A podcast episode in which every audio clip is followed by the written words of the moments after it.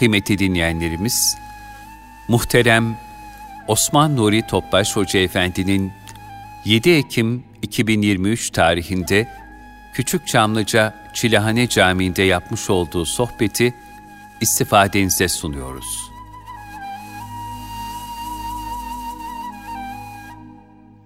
Muhterem kardeşlerimiz, teberrüken sohbetimizin bereketi için üç ilat bir Fatiha, Resulullah sallallahu aleyhi ve sellem Efendimizin mübarek pak ruhu tayyibelerine, Ehl-i Beyt'in, Eshab-ı Kiram'ın, Enbiya-i İzam'ın, Sadat-ı Kiram cümle geçmişlerimin, bilhassa şehitlerimin ruhu şeriflerine, dinimiz, vatanımız, milletimin selametine, bütün İslam dünyasının şerlerin şerlerinden muhafazasına, bu niyaz bu dua ile bir Fatiha-i Şerif, üç İhlas Allah'ımıza.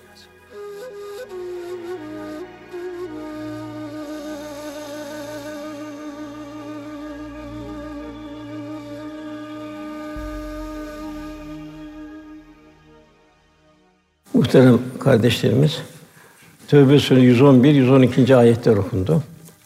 Bu ayet-i kerimelerde Cenab-ı Hak'la dostluk alışverişi. Cenab-ı Hak bu alışverişe davet ediyor. Diğer ayetlerde de ayrı ayrı davetler var. Bu davette can ve mal üzerinde ve can malı Allah yolunda kullanılırsa bunun getirdiği farikalar ayet-i kerimede. Can ve mal insanı geçici olarak verilen iki nimet. Can da fani, mal da fani. Ayet-i buyuruyor Allah müminlerden mallarını ve canlarını kendi verecek cennet karşısında satın almıştır. Dünya bir pazar. O Cenab-ı Hak malzeme veriyor. En mühim malzeme canını veriyor, bir de mal veriyor sana. Hususiyetler veriyor. Aşağı ayetlerde. Çünkü onlar Allah yolunda nereye kadar can gidecek? Allah yolunda savaşırlar, öldürürler, ölürler. Cenab-ı Hak buyuruyor teyiden bu Tevrat'ta, İncil'de, Kur'an'da Allah üzerine hak bir vaattir. Yani bu vaadi Cenab-ı Hak veriyor. Bir faniyle bir alışveriş yapmıyorsun. Allah'tan daha çok sözünde duran kimdir diyor Cenab-ı Hak. O halde onunla Allah'la Celle Celaluhu yaptığınız alışverişten sevinin buyuruyor. Yani canınızı ve malınızı Allah yolunda kullanabilmek, onun getirdiği farikaları da kazanabilmek aşağıdaki ayette. İşte bu gerçekten büyük bir kazanç sevinin buyuruyor. Lakin kim bu iki nimeti can ve mal Cenab-ı Hakk'ın rızası istikaminde fedakarca sarf ederse mukabili cennet var. Yani bir damla mukabile sonsuz bir derya. Cenab-ı Hak dünyanın ahiretten bakış tarzı sanki bir akşamın loş vakti veyahut da o seher vaktinin hemen geçici bir anı. Yani illa aşiyeten evduha Cenab-ı Hak buyuruyor. Bu kadar dünya kısa ahiretin yanında. Yani yömül hulut Cenab-ı Hak buyuruyor. Yani bitmeyen bir gün başlayacak. Bir kimse alacağı mahsulün miktarını bilirse saçtığı tohumlardaki fedakarlığı gözünde büyümez. Üstelik fazla kazanç karşısında fırsatları az değerlendirdiğini idrak eder ve daha büyük karlar elde edebilecek olduğunu fark eder. Keşke daha fazla yapabilseydim. Hasreti içinde olur. Resulullah sallallahu aleyhi ve sellem Efendimiz ölüp de pişman olmayacak hiç kimse yoktur buyuruyor. Eshab-ı Kiram ya bunun pişmanlığı nedir diye sorulunca efendimiz salih bir kişi bu halini daha fazla artırmamış olduğundan pişman olacaktır. Zaten efendim bu boş vakitleri doldurmamızı arzu eder. Cenab-ı Hak da Feyza ferahte fensaf ve ila rabbike farkab buyuruyor. Bir hayır işi bitirdin, diğerine koş buyuruyor. Kötü bir insan ise, günah çok olan bir insan için de o da günahları azaltmadığı için onda pişmanlığı için. Yani efendi buyuruyor ki salih de, sadık da, evliya Allah da hepsi pişmanlıkta gider. Fasık da pişmanlıkta gider. Daha öteye çünkü mezarda kazanmak yok. Ahirette kazanmak yok. Velhâsıl ne yapar son nefese kadar. Efendimiz de nasıl yaşarsa öyle ölürsünüz, öyle haşrolursunuz buyuruyor. Yani can ve mala bakışı insanın muhabbetinin bir noktada mihingini teşkil eder. Zira muhabbet sevilenin uğrunda gösteren fedakarlıkla ölçülür. Hazreti Mevlana bir mecazi bir misaller verir. Altına ne oluyor der. Can ne oluyor? İnci mercan da nedir?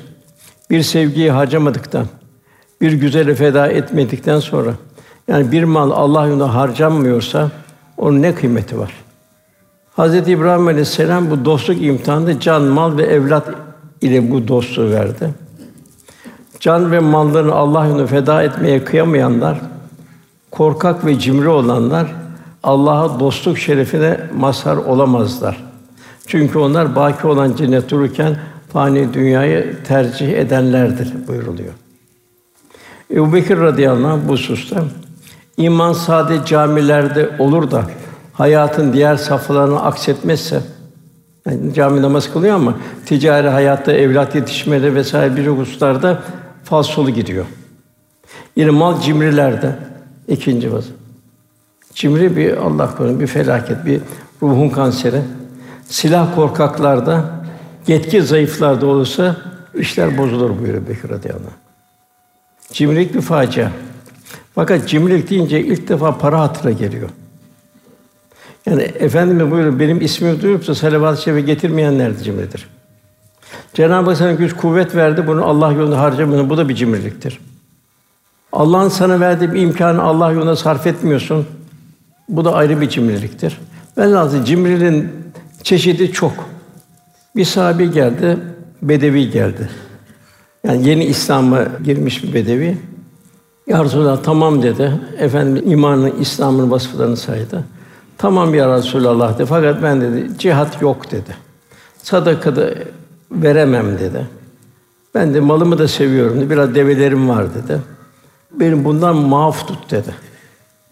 Malum cihat Allah yolunda seferdir. Tebliğdir. İrşat beklenir, irşattır. Bunu yapamam dedi. Sadaka da veremem dedi. Biraz develerim var dedi.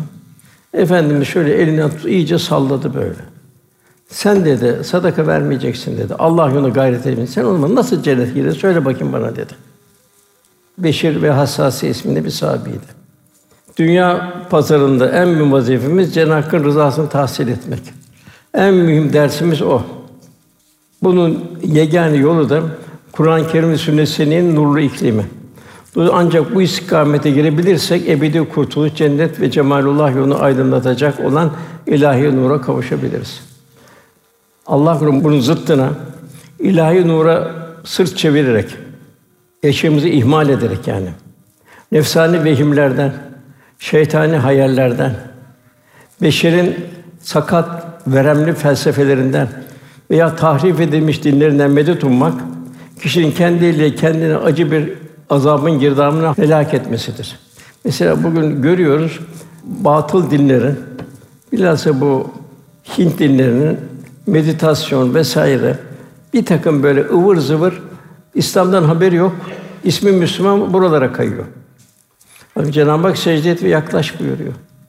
Rabbimiz dünya için çalışmış, ahireti ihmal etmiş. Bir ihtirasla dünyayı bitmeyen bir ihtirasla devam etmiş. Cenab-ı Hak ayet-i kerimede cevabı amiletün nasibe. Yani çalışmış fakat boşuna yorulmuştur. Gafil insan misafiretten bunun dünya konuğundan geçi nimetleri dört elle sarılır. Mal, mülk gibi fani imkanları kendini koruyup kollayacağını, hatta bu dünya ebedi kalacağını zanneder, ölümü uzak görür. Yani insanın fıtratında fani ile isyan var. Ölümü istemez. Yatalak olsa yine istemez ölümü. Çünkü fıtratta bu var. Çünkü şeytan Adem Aleyhisselam Havva validemi yasak meyve yaklaştırdı. Yani insanın DNA'sına bu girdi. Neyle kurtulacak? Teskiyeyle. Bir Arif şöyle buyur, gafiller için dünyadan ebedilik isteme. Kendinde yok ki sana versin. Yaşadığın dünyada fani. Mevlana da diyor ki, senin için dünya bir misafirhane gibidir. Sevinçler de, kederler de gelip geçicidir. Ne sevinçlere aldan, dün bir seviniyordum, bugün yok. Ne de gamlara dert edin, dün bir gamım vardı, bugün yok. Gamlar sururuna mani olursa üzülme. Çünkü gamları sabredersen senin için sevinç ve neşe hazırlanmaktır. Cenab-ı Hak daima bir gamlarla kulunu bir imtihan halinde. Canlarını Allah yolunda feda eden şehitler Allah'ın kendilerine verdiği dört zümreden biridir. Kim Allah'a ve Resul'e itaat eder, işte onlar Allah'ın kendine verdiği nimetlerdir. En amte aleyhim. Demek ki her Fatiha'da oku en amte aleyhim diyoruz. Nimet verdikleri. Demek ki nimet verdiklerinin yolunda olacağız. Ondan sonra gayrı mağdubi aleyhim dalin dalalette olanlardan da uzaklaşacağız. Yani iman layıkına muhabbet, müstahkına rahmet. Bu en amte aleyhim nimet verdikleri. Kimler bunlar nimet ve peygamberler? Hayatımızın bütün muhtevasında örnek olacak peygamberler. Bilhassa Resulullah Efendimiz sıddıklar buyuruyor. Hakka ittibada sadakat üzere yaşayanlar gölgenin gövdeye sadakati gibi. Şehitler, fedakarlar, salihler onlar da ne güzel dostlardır buyuruyor. Demek ki hayatımızı her Fatiha okuyunca şunu düşün en amt aleyhim gayri mağdûb ve dâli bu dört Cenab-ı Hakk'ın verdiği bu nimet verdiği kişilerden şahsiyet ve karakter alacağız. Sahabenin tek gayesi bu dünyada beraber oldukları Allah Resulü ile kıyamet gününde beraber olabilmek. Bu sebeple hayatlarını daima efendimize biat üzerine tanzim ettiler. Onun irşadıyla hayat buldular. Resul'ün gittiği istikameti takip ederek Allah rızasına nail oldular. El meru men ahabbe ki sevdiğiyle beraberdir. Eshab-ı Kiram Akabe günü Resulullah Efendimize beyat ettiler. Abdullah bin Revaha Allah'a biat. Resulullah sallallahu aleyhi ve sellem ve biat. Bunun karşısında ne var deyince Abdullah bin Revaha sordu. Sallallahu aleyhi ve sellem Efendimiz cennet var dedi. Abdullah bin Revaha dedi biz dedi bu vakti bu verdim akitten dönmeyiz dediler. Hakikaten Mute'de giderken acaba ölecek miyim, kalacak mıyım? Hiçbir tereddütte bulunmadan bir tebessümle gittiler ve şehit oldular ve cennete de Allah alem nail oldular. Diğer bir beyat Bedir'de oldu. Orada Müslümanlar Bedir'de çok zayıftı. Müşrikler çok güçlüydü. Dediler eshab-ı kiram, ey Allah'ın biz sana beyat ettik. Sana inandık. Allah'tan getirin Kur'an'ın hak olduğunu samimiyete iman ettik. Sana itaat ve itibar etmek üzere ahdı misak eyledik. Nasıl dilersen o surette hareket et. Bize emret, biz seninle beraberiz. Seni gönderen Allah hakkı için denize girsen biz de seninle beraber kendimizi denize atarız. Hiçbirimiz geri kalmayız dediler.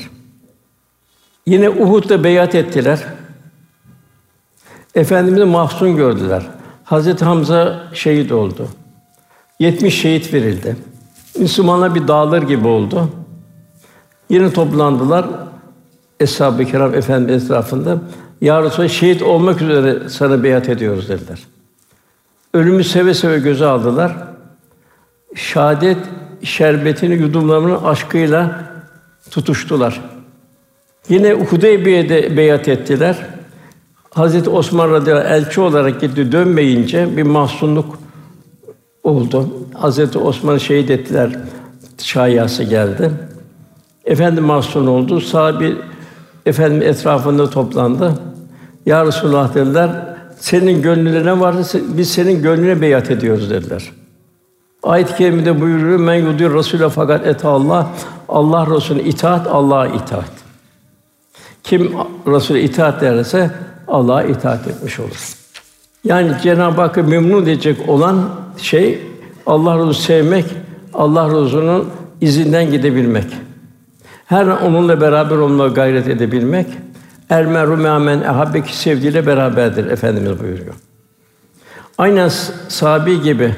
Çünkü onlar peygamberin en ufak bir arzu hiç tereddütsüz canım malım her şeyin sana feda olsun ya Resulallah dediler.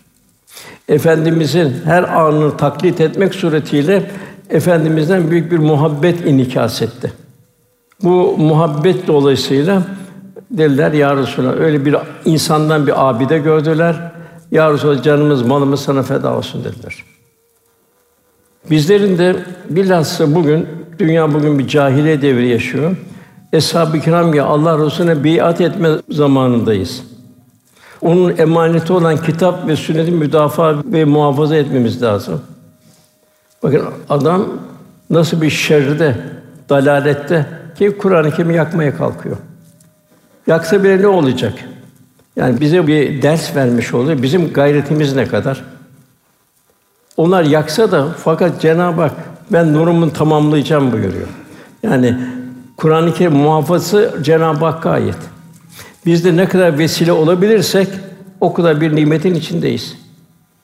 Onun emaneti olan İslam'ı yaşama ve yaşatma azmiyle bütün imkanlarımızla, canımızla, enerjimizle, vaktimizle, ilimimizle, malımızla gayret etmek şart üstü şart bugün. Ondan sonra gelen 112. ayette yani canını malını Allah yolunda kullananlar onların Cenab-ı farikalarını, farklı karakterlerini bildiriyor. Onlar et-taibun tövbe edenler. Bu tövbe çok mühim. Vel müstağfirin bil eshar buyuruyor Cenab-ı Hak. Yine Cenab-ı Hak Fatih 5. ayetinde Ey insanlar Allah'ın vaadi gerçektir. Sakın dünya hayatı sizi aldatmasın. O aldatıcı şeytan da Allah hakkında sizi kandırmasın. Çok insanda vardır. Cenab-ı Hak Erhamur Rahim'indir. Cenab-ı rahmeti çok geniştir. Amenna ve saddakna.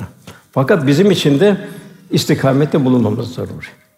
Efendimiz Fatıma validemize kızım Fatıma de babanın peygamber olduğunu güvenme. Bol bol amel salih işte buyurdu. Yine Cenab-ı Hak Zümer suresinde 53. ayet de ki ey kendi nefisleri aleyhine haddi aşan kullarım Allah'ın rahmetinden ümit kesmeyin. Çünkü Allah bütün günahları bağışlar. O çok bağışlayan, çok esirgeyen. Lakin ayetin devamında size azap gelip çatmadan önce yani ölüm gelmeden önce Rabbinize bütün samimiyetler dönün. Teslim olun. Sonrası ölümden sonra yardım edilmez. Yani inabe ve teslimiyet yoksa yardım yok buyuruluyor. Ondan sonra gelen maddede o Cenab-ı Hak'ta dost malların canını Allah yolunda sarf eden hamd eder. Hamidun. Kul devamlı hamd halinde olacak. Bütün Resulullah Efendimiz sözleri bir hamd ederek başlardı. İbadetlerin hepsinde hamd vardır. Ham bütün ibadetlerin sırrıdır. Hamdin esası kalp ile yapılandır. Kalbin Allah'ın nuru ile dolması, kalbin Allah'ın hamdiyle dolması. Ham tefekkürü gerektirir. Cenab-ı Kur'an-ı Kerim'de 137 yerde kulunun tefekkür, ilahi azamet, kudret akışlarını tefekkür etmesini emrediyor. Cenab-ı Hak yardım olarak cennete davet ediyor. Bu davette kitaplar, suflar gönderiyor. Bu kainat insanı hazırlı zerreden küreye, mikrodan makroya. Her şey Allah'ın azamet tecellisi. Cenab-ı Hak kudret akışları kul daima zaten zikir de budur. Onlar ayaktayken, otururken yanları üzerine zikrederler. Göklerin ve yerin derinden derin tefekkür ederler. Yani Allah Allah derken demek ki bir tefekkür, şu suyu içerken Bismillahirrahmanirrahim diyoruz zikirle. Bu nimeti tefekkür etmek Cenab-ı Hak zira ayette biz bunu tuzlu olarak indirseniz ne yapardınız diyor. Yağmur tuzlu olarak yağsa deniz su gibi ne yapardınız buyuruyor. Yani her şey buna göre kul daima bir hamd ve şükür halinde olacak. Bunun mukabilinde kalp incelir, zarifleşir, hassaslaşır. Yani kainat ilahi bir vitrin. Kalp burada her an değişik tecellilerini seyreder. Her şey tefekkürü bir davetiye. Bu tefekkürün kul hamd halinde yaşar. Fatiha'nın ilk ayeti Elhamdülillah Rabbil Alemin. Ve yine Cenab-ı Hak gerçek ilim sahiplerine şöyle bildiriyor. Allah'tan gereği gibi ancak alimler korkar. Alimler korkması için de marifet ve irfandan bir nasip alması lazım. Ondan es-saihun buyuruyor. Oruç tutanlar ve Allah için seyahat edenler. Yani orucun nimetinden istifade edenler. Merhametini artacak, şefkatini Allah'ın nimetlerini tefekkür edecek. Ondan sonra rükû ve secde edenlerdir. Yani bu namaz çok mühim. Es-salatu imadüddin. Yani namazsız bir Müslümanlık olmaz buyuruluyor. Namaz nedir? Namaz müminin maddi ve manevi ihtiyaçlarını Allah Teala'ya arz etmesidir.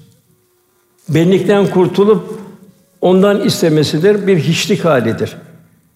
Men arefe nefse fakat arefe Rabbi bulunuyor. Allah ile mümin arasında bir bağlantıdır namaz. Adem secde et ve yaklaş buyuruluyor. Yine Araf suresinde ey Adem oğlu her mescide gidişinde veya her secde edişinde güzel elbiseler giy. İlahi huzurda onun farkında olacaksın. Kalp huşu ile dolacak, ruhaniyetle dolacak. Huzuru ilahide olduğunu farkında olacak ve Cenab-ı Hak'tan talep, secde et ve yaklaş buyuruluyor. Ve Cenab-ı Hak fahşadan, münkerden o kulu muhafaza edecek. Yine efendim kul namaz kılar.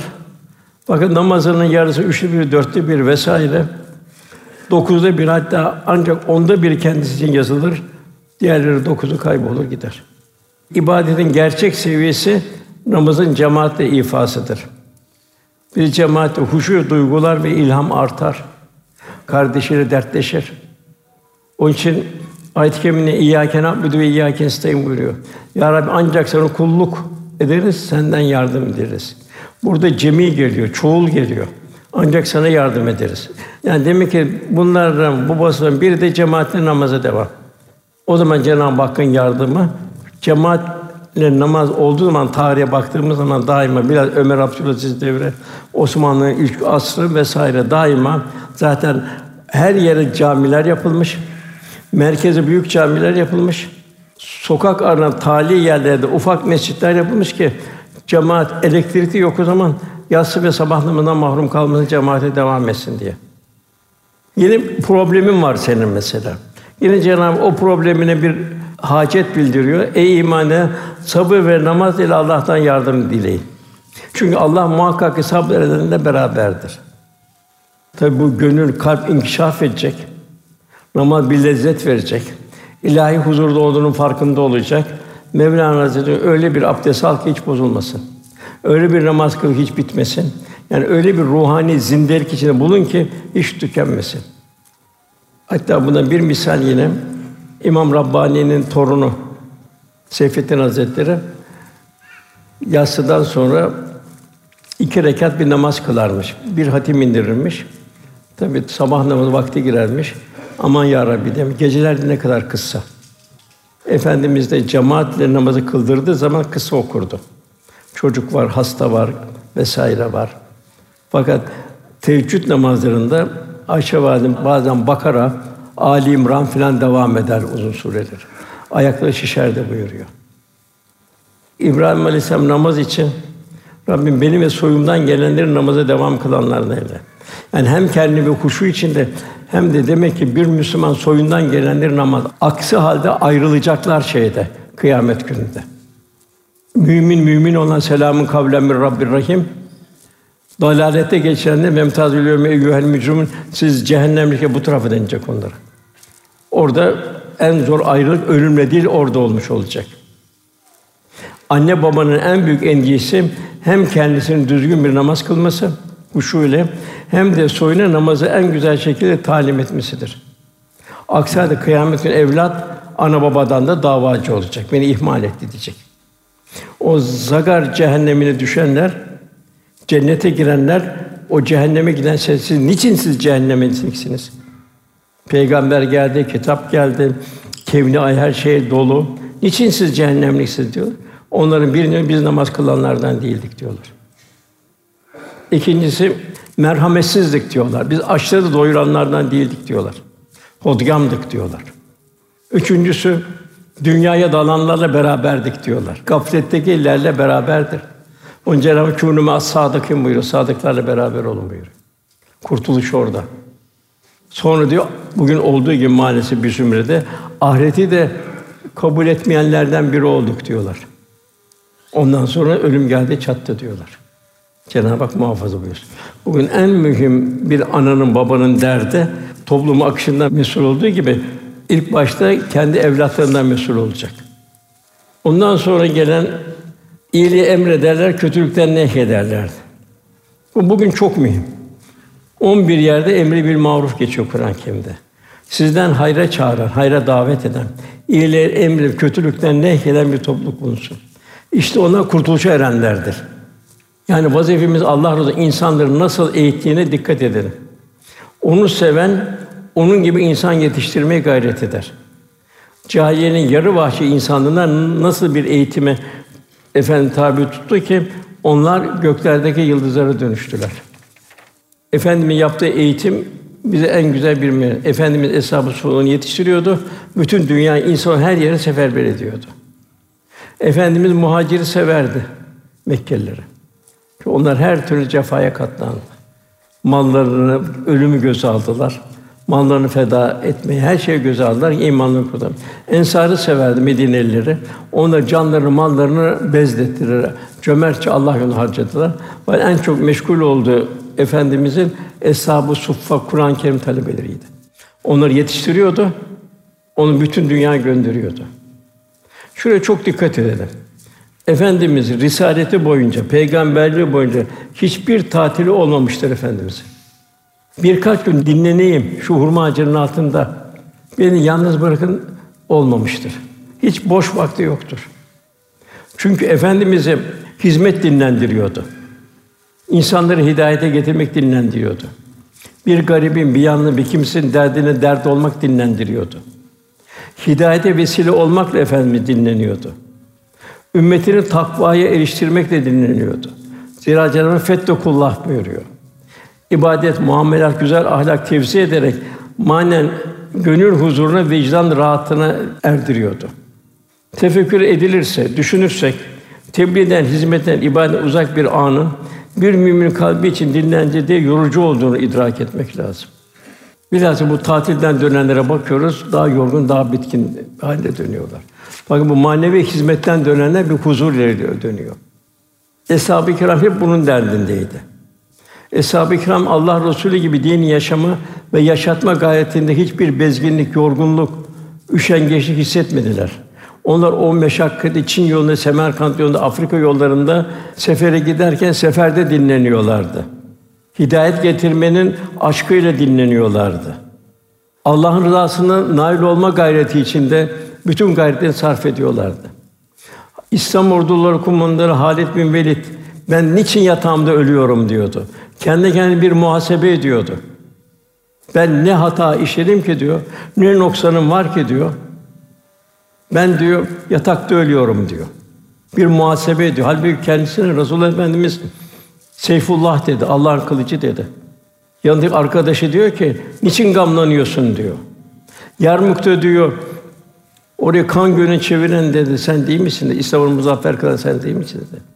Muhte'de üç bin kişiyle yüz bin kişiyi bertaraf eden sen değil miydin diyor. Fakat niçin ben yatakta ölüyorum o zaman diyor.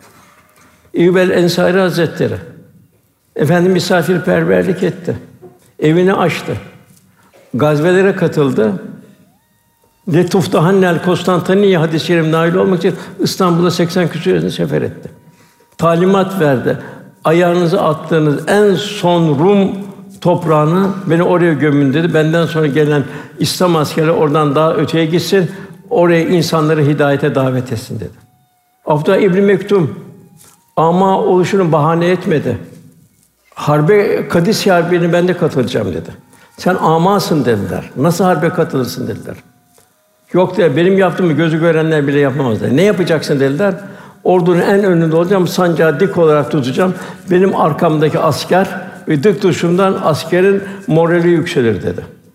Sen muafsın dediler. Fetih suresinde ayette. Yok dedi, iştirak edeceğim dediler. Hakikaten iştirak etti Kadise'de. Ya Medine'ye geri döndü veya da şehit oldu. Bugün en çok dinlenenler, istirahate gidenler, ne bileyim bir seyahate giden en çok rahatsızlıklar onlar da görür. Niye? Kaprisler artıyor vesaire artıyor. Halbuki gerçekten baktığımda açlık, yokluk, bin bir sıkıntı, meşakkat içinde İslam yaşama, yaşatma azmi gösteren, hiçbir fasıla fırsat vermeden canlarıyla, mallarıyla gayret eden sahabe-i kiramda hiçbir psikolojik, psikiyatrik rahatsızlığa rastlamıyoruz. Efendimiz eshabının bütün problemi önce çözerdi. Açları doyururdu, çıplak giydirirdi, hasta onun hastalığı ilgilenirdi. Abdullah İbn Mesud diyor ki biz diyor Allah Resulü'nün terbiyesinde öyle bir hale geldik ki Eshab-ı Suffa'da boğazımızdan geçen lokmaların zikrini duyar hale geldik buyuruyor. Veda hutbesinde takriben 120 bin sahabi vardı. Mekke'de Medine-i Münevvere metfun 20 bin sahabi yok diyorlar. 100 bini dünyaya dağılmış. Niye?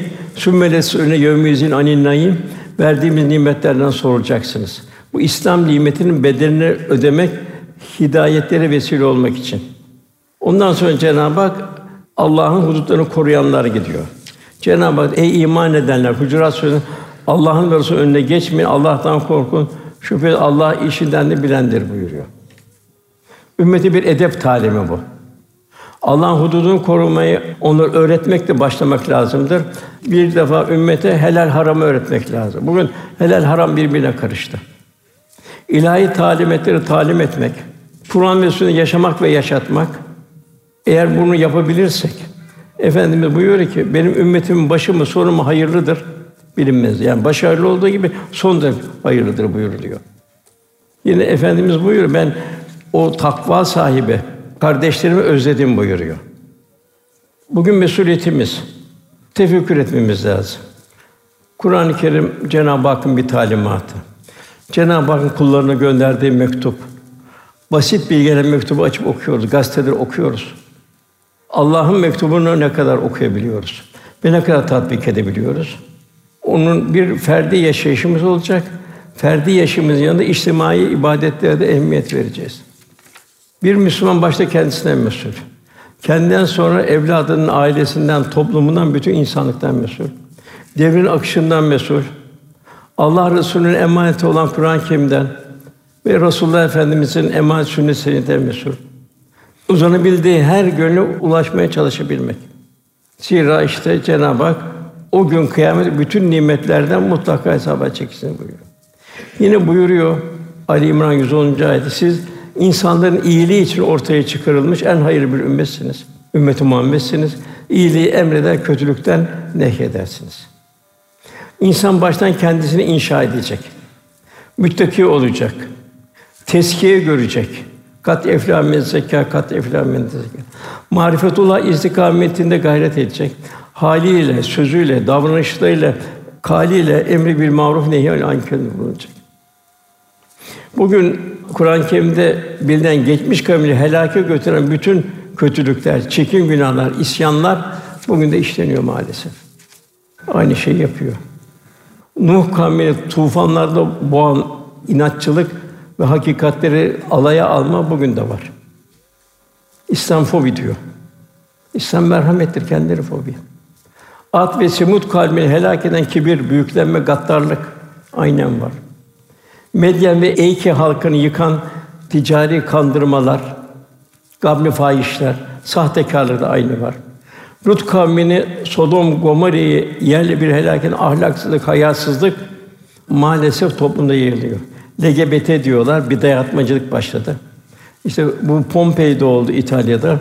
Yanardağ infilak etti. Hepsi böyle ahlaksız haline taş kesildiler.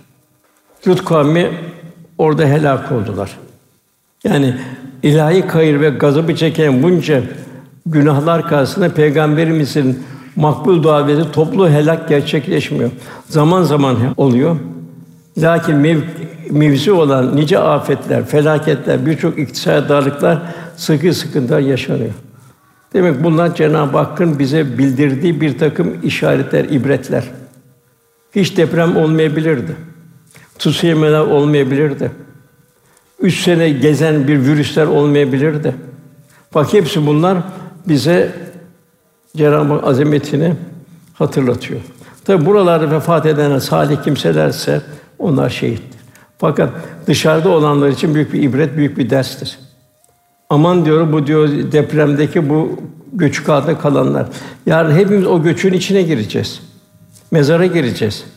Resulullah Efendimiz bütün lezzetleri, zevkleri kökünden gökünden ölümü çok çok hatırlayın buyuruyor. Orada gelin benim kurtarın diyecek durum yok. Ancak ne olacak orada? Ameli salihlerimiz olacak. Cenab-ı Hak eshab-ı kiramı metü sena ediyor. Mağfiretiyle ve rızasıyla müjdeliyor.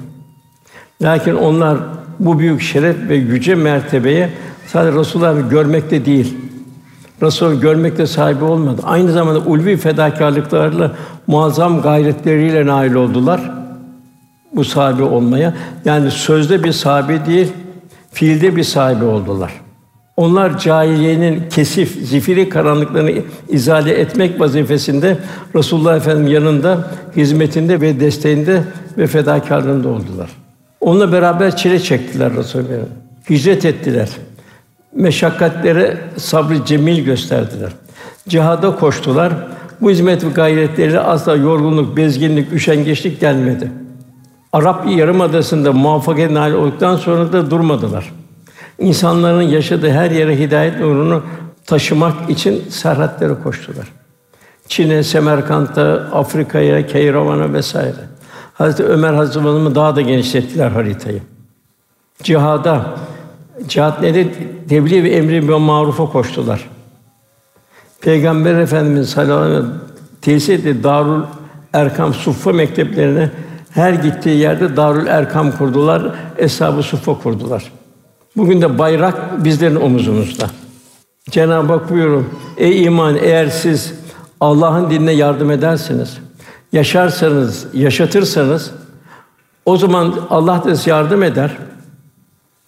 Son nefeste, kıyamette, sıratta ayaklarınızı kaydırmaz buyuruyor. Karşımızda globalleşen bir dünya var. Biz de o dünyanın tam ortasında yaşıyoruz. İnternet ve televizyon kıtalardan kıtalara, şehirlerden köylere, en ücra köşelere kadar uzanıyor. Dünyanın bir ucunda yaşayan bir insan dahi internet ve televizyonda kendi sulan alemin içine giriyor. O dünyanın içine giriyor. O kişinin ahlakı seyrettiği televizyonun ahlakı oluyor. internetin ahlakı oluyor. O kişinin karakteri takip ettiği internetin karakteri oluyor. O kişinin fikir dünyası da okuduğu kitapların, dergilerin fikriyatı oluyor. Burası çok mühim.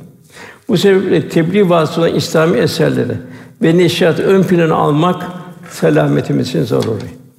Bugün imkanlar genişledi. Hizmetleri devamlı için üretilmek mümkün hale geldi. Ancak müsbet şartların yanında menfi yönler de değişti. Mesela televizyon, eskiden televizyon yoktu. Onun hayata girmesi bazı açılardan kolaylıklar getirdi. Belki fakat ruhi bakımdan büyük yıkımlara sebebiyet verdi aşikar. Yalan haberler, ahlaksız ve zararlı programlar toplumu ve gençleri ifsad ediyor. Zararsız görünenleri bile oyalamak, meşgul etmek suretiyle zarar veriyor. Onun arkasından internet çıktı. Aynı şekilde internetin çok faydaları olduğu gibi çok da günah ve, ve zararları da oldu. O kirli sokaklarda gençler bir toz misal yerden yere savruluyor. Gönlündeki maneviyat ve ruhaniyet o sokakta iflas oluyor.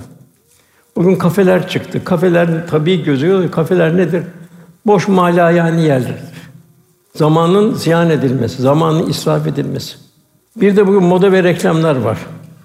Hudutları alt üst edilmiş reklam mevzu bugün nefsani hayatı palazlandırıyor.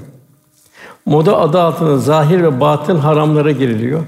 Zahir ve batını farzlar çiğneniyor. Bir Müslüman evladına yapmaması gereken şeyler moda altında yaptırılıyor. Bilhassa bugün israf markalılar vesaire de daima israfa teşkil ediliyor. Yani değerinden çok yüksek satılıyor. O markalıyla gösteriş yapacak, aşağılık duygusunu bastıracak kendisine. Bir Müslüman hanımefendi giyemeyeceği şeyler moda altında giydiriliyor. Maalesef bugün temiz menba suları yanlış şekilde kirli yerlere akıyor. Safiyetini kaybediyor, çamurlu ve, bulanık hale geliyor.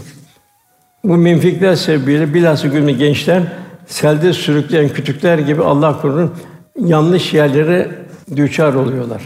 Onları kurtarabilmek için bugün en mühim vazifemiz gençlik için tertemiz bir çevre teşkil etmek. Güzel ahlakı neşr neva bulacağı zeminler, ortamlar, müesseselerle oluşturmak çok mühim. Menfi zararlı ve ahlaksız neşriyata karşı müsbet, faydalı, kaliteli, tertemiz bir neşriyatla alternatif getirmek zaruri.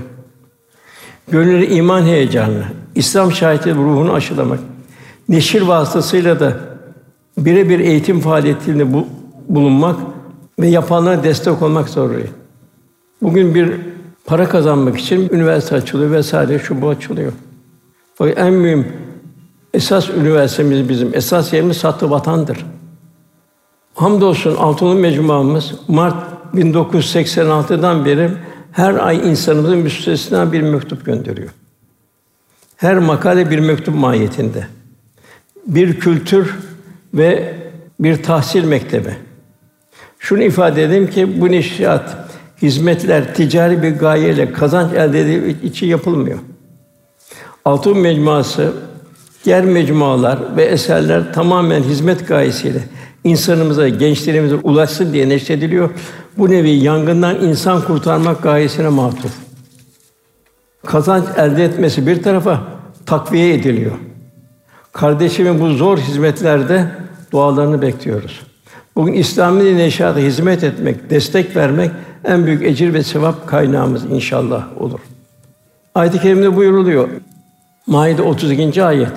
Her kim bir canı ihya ederse bütün insanları ihya etmiş gibi olur. Bir insanın fani ve dünyevi hayatını kurtarmak bile bu kadar değerliyse onun manevi hayatını kurtarmak Allah katında kim bilir ne kadar değerli. Efendimiz buyuruyor. Allah'a yemin ederim ki Cenab-ı Hakk'ın senin vardı bir tek kişi hidayete kavuşturması. En kıymetli dünya nimeti sayın. O zaman kızıl develer çok meşhurdu. Kızıl deveye sahip olmandan çok daha hayırlıdır. Dolayısıyla camiamızın İslam'ın neşatlara destek vermesi elzemdir. Çünkü ruhumuzun yüce hakikatle sır ve hikmetlerden sohbetleri okumaya ihtiyaç var. Tarih şuuruna ihtiyaç var. Gönül aşk ile yoğuran yazıları okumaya, dinlemeye ihtiyaç var. Keza yorulan dimaları hikmetli sözlerle, kıssalarla ve nüktelerle dinlendirmeye ihtiyaç var. Evlerimizde, ailemizin, çocuklarımızın gönül dünyasına açılan böyle pencereler çok ihtiyacımız var. Bir ay boyunca altın oluk evlerimizde bizim eşlerimizin ve çocuklarımızın, iş yerlerinde çalışanlarımızın, misafirlerimizin, müşterilerimizin, hoca isek talebelerimizin ellerinde dolaşmalı. Gönüllerine ulaşmalı.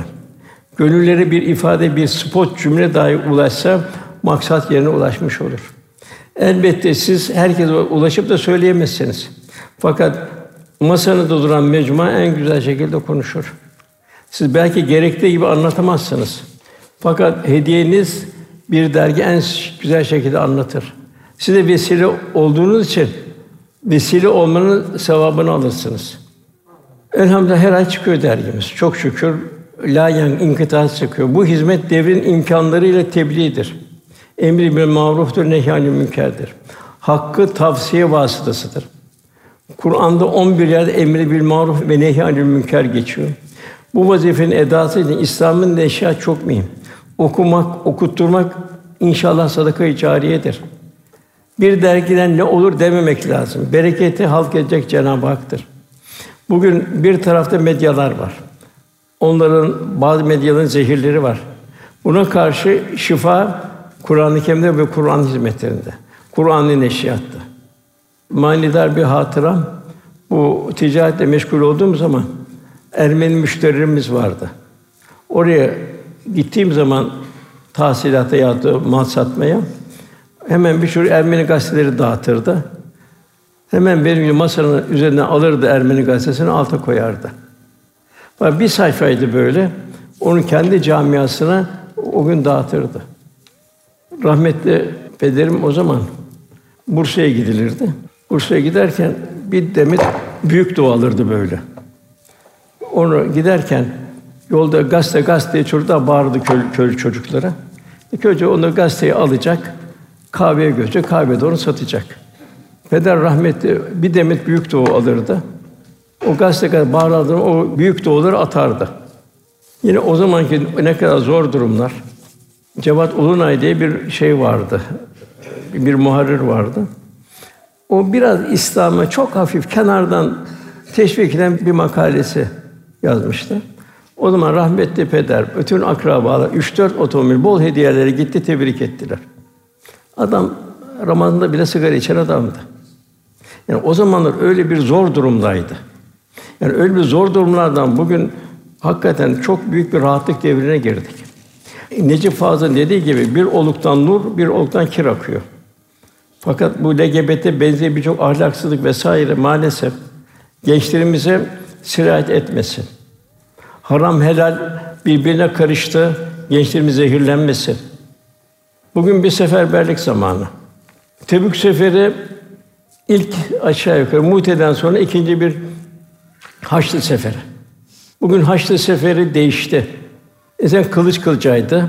Bugün Haçlı seferi medya vasıtasıyla senin insanını alıyor, senin insanı kendini benzetiyor. Modalar vesaire şu bu. Bugün bir Tebük seferin içindeyiz. Bu Tebük seferine üç kişi sami Müslümanlar fakat bugün yarın derken kaçırdılar. Burada çok ibretli. Bu üç sahabe Hilal Kâb ve Mürare adlı sahabelerdi. Bunlar Efendimiz seferden dönünce onlar der ki gafletten ihmal ettik dediler. Bunlar İkisi Bedre ve bütün seferlere iştirak etmişti. Biri yanında Bedre iştirak etmeye bütün seferlere iştirak etmişti. Yanı Tebük'e iştirak etmediler. Efendimiz gelecek ayeti bekleyin dedi. Ayet gelene kadar da bir ceza verdi. Bunları kimse selam vermeyecek dedi. Selam veriyordu akrabalarına, selam almıyorlardı. Biz Müslüman değil miyiz? Niye selam almıyor diye soruyorlardı. Allah bilir diyorlardı. Ve Resulullah bilir diyorlardı. Ben nasıl Ravza'ya geliyorlardı. Efendimiz göz göze geliyor. Acaba yumuşama var mı? Bir affedil mi, affedildik mi diye Efendimiz simasını diğer tarafa çeviriyordu. Tam 50 küsür gün bu şekilde bir dediler Medine bize bir sanki bir katran döküldü üzerimize Medine'de. En sonra 50 gün sonra bir af çıktı. O zaman Resulullah Efendimiz bizim affedilme o kadar çok sevindi ki Ravza'ya girdik. Yüzü bir ayın 14'ü gibi parlıyordu sevinçten. Biz kurtulduk diye. Hatta diyorlar bir kısmı şu kadar verin, bu kadar verin, bir servetimi verelim. Şu bir takım o kadar sevinçlerinden vaatlerde bulunuyordu. Ben az bugün de bu Tebük seferin içindeyiz. Nereden bak? İşte görüyorsun İslam fobi diyorlar. Kur'an-ı Kerim yakıyorlar. Tabi bizim burada dinini Allah Celle nurun tamamlayacak. Fakat burada bizim mesuliyetimiz ne kadar? Onun için evlatlarımız, dini müesseselerimiz, Kur'an kurslarımız, neşriyatlarımız bunlara revaç vermemiz lazım. Resul Efendim hayatına baktığımız zaman Farikhanede efendim 23 sene büyük bir gayret fedakarlık için tebliğde bulundu. Emri bil maruf nehy anil münker bulundu. Alay ve hakaretlere muhatap oldu. Yalan ve iftiralar uğradı. Taşa tutuldu Taif'te. Namaz kılarken üzerine deve işkembesi atıldı. Doğduğu sevgili vatanından uzaklaştırıldı. Defalarca canına kastedildi. Evlatları amcası Hazreti Hamza eshabının nicesi şehit edildi. Müşriklerden, ehli kitaptan, münafıklardan öyle daha nice çilelere sablı cemile tahammül etti. Öyle ki şöyle buyurdu. En çok çile çemberinden geçen peygamber benim buyurdu. Bütün bu hakikatlere rağmen bir hesap endişesi içinde daima kendisi kurda bir şahitlik aradı.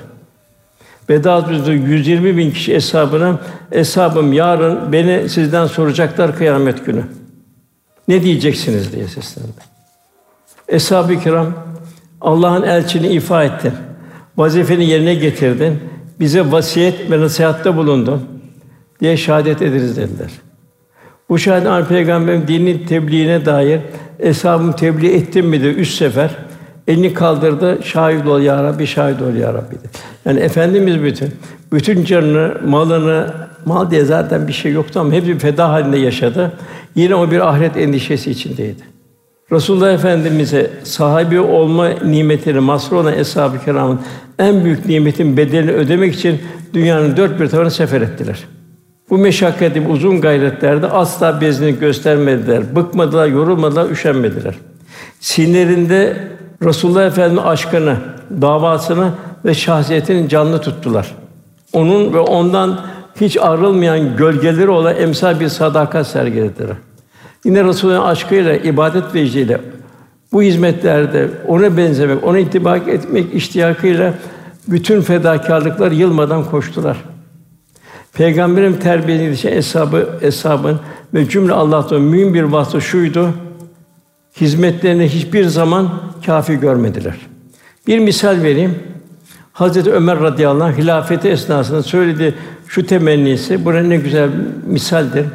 Hazreti Ömer buyurdu eğer hayatta olursam inşallah halkın içinde bir sene gezeceğim. Biliyorum insanların bana ulaşamayan ihtiyaçları var. Valileri o ihtiyaçları bana bildirmiyorlar. Kendileri de gelip bana ulaşamıyorlar. Şam'a gideceğim, iki ay orada kalacağım. Cezire'ye gideceğim, Mısır'a gideceğim, Bahreyn'e gideceğim, Küfe'ye gideceğim. Sonra Basra'ya gidip iki ay iki ay kalıp bir seneyi öyle tamamlayacağım. Vallahi o sene ne güzel bir sene olacaktı Hazreti Ömer radıyallahu Onları bütün meşakkat ve çileleri unutturan nebevi müjdelerden biri şuydu. Allah'ın senin vasıtasıyla bir kişiyi hidayete erdirebilmek senin üzerinde güneşin doğduğu, battığı her şeyden daha hayırlıdır. Süfyan-ı Sevri vardı. Bu müştehittir bu. Yani bu mezhepte müştehittir. Fakat ehli sünnet mezhebi vardı kendi fakat taraftarları azaldığı için zaman içinde kayboldu. Bu Süfyan-ı Sevri Hazretleri şöyle diyor. Horasan'a gidip yani Orta Asya'ya gidip tebliğde bulunmak, Mekke'de mücavir olmaktan, yani Mekke'de ikame etmekten senin için daha kazançlı bunu bil buyuruyor. Yine rahmetli babamız Musa Efendi o hastalığın en şiddetli zamanlarında ya Rabbi bana saat ve güç ihsan buyur. Köy köy dolaşacak kardeşlerimin hizmette bulunmayı bana nasip eyle. Malum Eyyub el Ensari Hazretleri. Fakat 80 kişinin İstanbul'un fethi için efendim bildirdi İstanbul'un fethi için İstanbul'a geldi. Hatta de beni ayağınızın attığı son noktaya gömün buyurdu. Hatta şöyle dedi. Şayet ölürsem beni yanınıza alın, Rum topraklarına doğru gidebildiğiniz en son noktaya götürün. Düşman safları karşılaşıp daha fazla ilerleyemez olduğunuzdan beni oraya ayakına ulaştığı son noktaya defnedin. Cenab-ı Hak'la dost oldu. Bizim günde kaç tane ziyaretçimiz var? Eyyub el Ensari günde kaç tane ziyaretçisi var?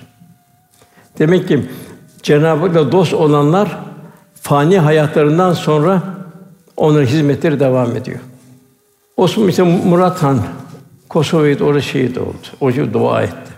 Yavuz Sultan aman dedi bu Mısır fethinden sonra o zaman İspanya'da Müslümanlar dövülüyordu. Oraya gitsem de oradan İstanbul'a dönsem diyordu. Velhasıl demek ki bir Müslüman daima dünyanın akışıyla Allah'ın emanet ettiği bu dine sahip olmakla biz mesulüz. Cenab-ı Ayet-i Kerime buyuruyor. Kim Allah'ın dinine hizmet ederse, yaşarsa, yaşatırsa Allah da ona yardım eder, ayağını kaydırmaz buyuruyor. Kur'an-ı Kerim emanet, Resulullah Efendimiz sünneti bize bir emanet. Efendimizin o kadar muhabbeti vardı ki kabirde bile buyuruyor ben ümmet ümmeti diyeceğim buyuruyor. Yani dünyada sakin ümmet ümmeti buyurduğu gibi kabirde de ümmet ümmeti diyeceğim buyuruyor. Bana güzel amelleriniz gelir ben sevinirim buyuruyor. Yanlış amelleriniz gelirse için istiğfar ederim buyuruyor. Aman aman diyor günah işleyerek kıyamet günü benim yüzümü kara çıkartmayın buyuruyor. Yani nasıl efendimiz ümmetinin bir derdiyle dertleniyor. Yani sur üfürünceye kadar buna devam edeceğim buyuruyor. Bir teşbih yaparsak, bir iş adamı zor zamanda kendine yardım edip borç veren, destek olan bir arkadaşını asla unutmaz. Onu bir vefa içindedir. Güç ve kuvvete eriştiği zaman o da onu fazlası mukabele bulunmakta ister. Bugün İslam davası fedakar bir şekilde kendine omuz verecek, gayretli, takvalı, diyargân ve vefakar müminleri beklemektedir. Bugün İslam'a yardım edenler en çok yardım muhtaç oldukları günde o kıyamet gününde ilahi yardım biizni Teala nail olacaklardır. Bugün dünya modern bir cahiliye girdi. İslam fobi diyorlar. İslam merhamettir, şefkattir. Nefsani arzuları bertaraf etmektir. Onlar ise liberal sistem rahatça yaşatmak. Bırakın geçsin, bırakın geçsin diyorlar. Haram helal diye bir şey yok. İslam buna mani olduğu için vahyin içinde yaşamayı terk edince İslam fobi diyorlar. Kendileri o kadar Afrika'daki insan nasıl esir ettiler? Nasıl gık dini okyanusa gömdüler? Birinci Dünya ve İkinci Dünya nasıl 100 milyon insanı öldürdüler? Bugün İsrail Filistinlileri kendi vatanında ne kadar bir mazlum hale getiriyor. Hiç bunlara fobi denmiyor. Halbuki İslam merhamettir, şefkattir. Akdeniz'i bir mezar haline getirirler, fobi denmiyor. Suriye'de 10 senedir bir ızdırap içinde bir sahra hastanesi haline getirdiler, fobi denmiyor. Velhasıl biz bugün ilk yoksa gençliğimize İslam'ı yeni baştan anlatmak, anlatacak müesseselere hizmet vermek, revaç vermek, neşriyata revaç vermek, biz bugün bilhassa bunlara muhtacız ve bunlardan yarın hesap verme zorunda kalabiliriz kıyamette. Cenab-ı Hak inşallah bu canlarıyla malları cennet satın aldılar. Bu ayet-i kerimenin şumuruna girip inşallah Cenab-ı Hak malımızı, canımızı Allah bize ne verdiyse onu Cenab-ı Hak yolunda sarf etmeyi Cenab-ı Hak nasip eylesin. Cenab-ı Hak birçok ticaretlerden bahsettiler. Bunca en mühim ticareti ticareten len tebur. Burada üç şart Cenab-ı Hak bildirir. Kur'an-ı Kerim'e revaç verirler tilavet edenler. Demek Kur'an-ı Kerim'e revaç verebilmek. Kur'an-ı Kerim'i anlayabilmek, yaşamak, yaşatmak. E, namazı ikame ederler, huşu ile namaz kılabilenler. Biraz cemaatlere devam edebilmek. Biraz efendim böyle yatsı ve sabah namazına devam edenlere o gün geceyi ihya etmiş ecri verilir buyuruluyor. Üçüncü olarak Allah'ın verdiği nimetleri Allah yolunda mümkünse gizli, zaruret varsa açık infak edenler ticareten len tebur bunlar umulur ki kurtuluşları buyuruluyor. Cenab-ı cümlemize bu ayet-i kerimelerin şumulü için yaşamayı ve yaşatmayı Cenab-ı Hak nail eylesin. Allah razı olsun kardeşler. Bugün buraya Allah razı için toplandınız. Allah razı olsun toplandığımda inşallah bu toplantı büyük bir rahmet ve bereket olur. Cenab-ı Hak cümleden razı olsun. Duamızın kabulü niyazıyla da Lillahi Teala Fatiha.